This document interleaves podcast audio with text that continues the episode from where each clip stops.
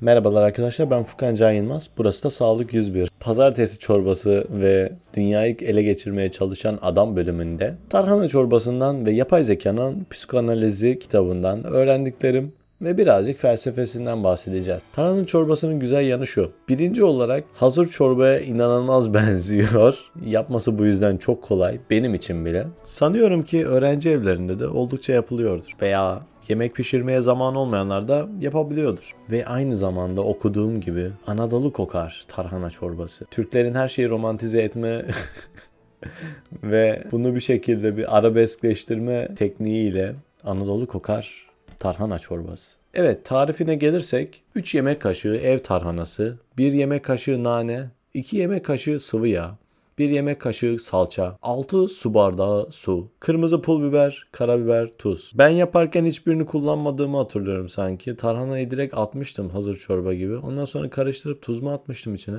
Bu tarz bir şeydi yanlış hatırlamıyorsam. Evet tarhana çorbası inanılmaz kolaymış yapması. Podcast'i yayınlayacağımı söyleyince annem de yapmış. Bu hafta evde iki gün boyunca tarhana çorbası yemiş olduk. Aslında bunu öğrendiğim iyi oldu. Bir de bir sonraki sor, çorbayı da evde içmek istediğim çorbaya göre ayarlayabilirim demektir bu. Tarhana çorbasından bahsettiysek ve kolaylığından 3 mesela 3 yemek kaşığı tarhana diyor ama tarhananın nasıl yapıldığına hiç bahsetmiyor. Eminim tarhananın yapımı da o kurutulmuş malzemelerin birçoğu da benim bilmediğim şeyler yine. Herhalde tarhana çorbasının yapımı zorluğu orada ve bunu bilmiyorum. Evet şimdi Anadolu kokar tarhana çorbasından hiç Anadolu kokmayan süper zeki bir yapay zeka dünyayı ele geçirse daha iyi bir dünyada mı yaşardı? Ya da erkek arkadaşınız veya kız arkadaşınız sizi tanımaya çalıştığında ya flörtleştiğinizde birbirinizi tanımaya çalıştığınızda öğrenebildiğiniz bilgileri aklınıza getirebildiniz mi? Nelerden hoşlanır? Ne gibi davranışlardan hoşlanmaz? Yemeğini nasıl yer? Bu flörtleşirken değil yemek yerken görebileceğiniz bir şey. Hangi elini kullanır? Ancak bir yapay zeka sizi tanımaya başladığındaki bilgilerini düşünün. Neler izlersiniz? Kimlerle konuşursunuz? Kimlerle ne konularda konuşursunuz? Hangi kategorilere ilginiz var? En son aldığınız ayakkabının markası ne? Hangi televizyon markasını kullanıyorsunuz? Garantisinin bitmesine kaç yıl var? Aldığınız en son gömleğin rengi ne? Daha korkuncu. Nelerden hoşlanabilirsiniz? Ve bunu bir erkek arkadaşınızın veya yeni konuşmaya başladığınızın birisinin bilmesine imkansız olan şeyleri yapay zeka sizin için biliyor. Sizi çoktan tanıyor ve hiçbir insanın anne ve babanız dahil sizi tanıyamayacağı kadar iyi tanıyor. O kadar çok veri noktası var ki sizin hakkınızda. Bununla kalmıyor. Size sevmeyeceğiniz şeylerden bahsetmiyor. Size sadece sevebileceğiniz videoları gösteriyor. Sevebileceğiniz yazıları gösteriyor. Sevebileceğiniz videoları izlettiriyor. Peki buzdolabınız sizi sevginizden daha iyi tanırsa nasıl bir dünyada yaşardınız? İşte soru bu. Yapay zekanın kullandığı veriler de insanlardan alınan veriler ve insanlar hata yapar. Bu şu anlama mı gelir? Psiko analizimizi yaptığımızda hepimizde olan hatalar yapay zeka içinde bir tehdit mi olacak? Mesela uzunca aramızda yaşamış bir yapay zeka 3 hafta sonunda yalan söylemeye mi başlayacak? Ve biz bununla tamam mı diyeceğiz? Yapay zeka bizim gibi yalan söyleyebilir mi diyeceğiz? Veya yapay zeka hata yaptığında gerçek suçlusu kim? Yapay zekanın ödipal kompleksi olacak mı? İki yapay zeka bir araya geldiğinde bir program ürettiğinde buna çocukları diyecek miyiz? Veya bu yapay zekaya cinsel olarak aktif diyecek miyiz? Yoksa cinselliği sadece veya insanların yapabildiği şeyleri sadece insanlara yükleyip yapay zeka için yeni terimler mi üretmemiz gerekecek? Bu kitap okurken aslında çok fazla karışık bilgiler elde etmiş oldum. Yapay zeka hakkında konuşmayı, bilgi edinmeyi çok seviyorum. Çünkü geleceğimizi en çok etkileyecek teknoloji bu. Teknoloji geçtim. Dünyada en çok işsizliğe neden olacak fenomen bu yapay zeka. Bu yüzden onu anlamalıyız. Onun bizi anladığından daha iyi onu anlamalıyız. Ki bu imkansız gibi görünüyor. Ama yine de eğlenceli. Felsefenin ilk sorularından bir tanesi. İnsan nedir? İnsan nedir? Bilinç üzerine bir tane yabancı Chalmers, David Chalmers yanlış hatırlamıyorsam bilinç üzerine fikirlerini okumuştum ve gerçekten beni çok canlandırmıştı. David Chalmers'ın düşünceleri gerçekten beni çok heyecanlandırmıştı. Bilinci tanımlamakta hepimiz farklı şeyleri kullansak da Chalmers'ın ana fikri şuydu hatırladığım kadarıyla. Bir girdi var, bir çıktı var. Girdinin çıktığı fonksiyon o bilinç. Girdi, veri geliyor.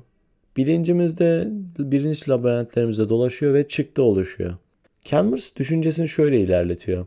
Ay çiçekleri mesela e, ışığa doğru dönüyor. Demek ki bir güneş ışığı, ışık bilgisi bu çiçeklere geliyor ve çiçekler de yanıt olarak diyor ki ben buna dönmeliyim. Bitkinin sapını ben şöyle dö- ışığa doğru döndürmeliyim. Chalmers bu aşamada şunu söylüyor.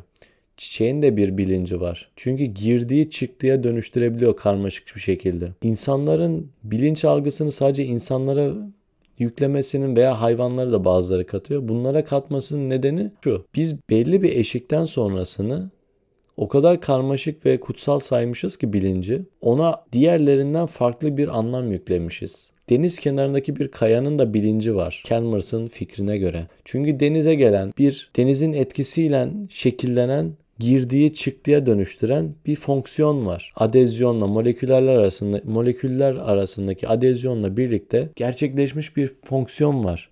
Bir bilinç var. Ama belli ki bizim eşik değerlerimiz var ve belli eşiği geçememiş canlıları mesela dünyadaki birçok insan onları yemeyi, inekleri yemeyi kötü bir davranış olarak görmüyor.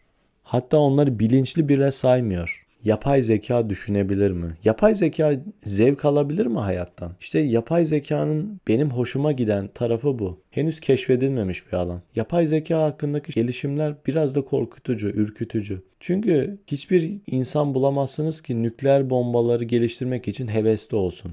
Ama yapay zeka nükleer bombalardan çok daha fazla etkiye sahip olacak ve bu kelimeleri ard arda duyduğu zaman heyecanlanan birçok insan biliyorum. Belki Türkiye'de değil.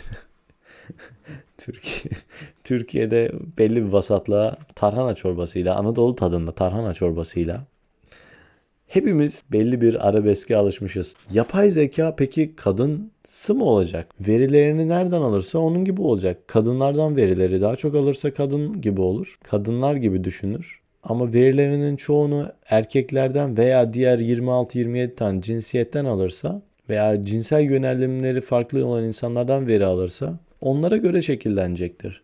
Yapay zekaya verimizi biz sağlıyoruz. Aynı tarhana çorbası gibi tarhana çorbasının ana maddesini bilmememiz gibi, benim bilmemem gibi en azından. Yapay zekanın da kara kutu dediğimiz bir düşünce şekli var. Yani sinapslarını nasıl bağladığını, bağlantılarını nasıl kurduğunu göremememiz gibi bir tehlikesi var. Person of Interest dizisinde bunu çok güzel anlatmıştı. Ve yapay zekaya kamera bağladığımızda görebilecek mi bizim gibi? Bir ağacı tanımlayabilecek evet ama bizim insanların ben ağacı görüyorum dediğimde hislerimle ve duygularımla birlikte yapay zeka o fonksiyonları, beynimdeki fonksiyonları algılayabilecek ve kendisi de bizim gibi görebilecek? Intelligence iki Latin kelimeden geliyor. Bir, intus, between, legere, leger, choose. Yani tercihler arasından seçmek. Intelligence yani zeka İngilizce'de bu anlama geliyor. Tercihler arasında seçmek. Ve bir gün yapay zeka bir program üretmeye kalkarsa Buna onun yapay zekanın çocuğu mu diyeceğiz? Veya bu ürettiği program yapay zekanın maskülen biz insanlar için maskülen karakterde diyebileceğimize karşı ödipal kompleksi besleyebilecek mi? İşte sorular böyle. Bir sonuca varması da gerekmiyor. Düşünmesi eğlenceli. Ve Hegel'in düşüncesine göre nereden itibaren biz bunu bir madde veya teknoloji olmaktan çıkartıp bir özne olarak kabul edeceğiz yapay zekayı. Belki diğer bölümlerimizde bunlardan da bahsedebiliriz. Bu bölümlük bu kadar olsun. Tarhana çorbası yemeyi ve yapay zeka üzerine düşünmeyi unutmayın. Kendinize iyi bakın. İyi günler.